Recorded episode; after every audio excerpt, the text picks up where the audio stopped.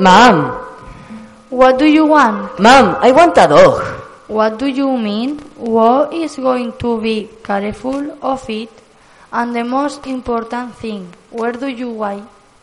In Vilazoo. In Vilazoo, you can find everything. Also food and toys for a cheap price. Where is it? Next to the street in Francesc Lairet, number 55. I'm going to buy dog now.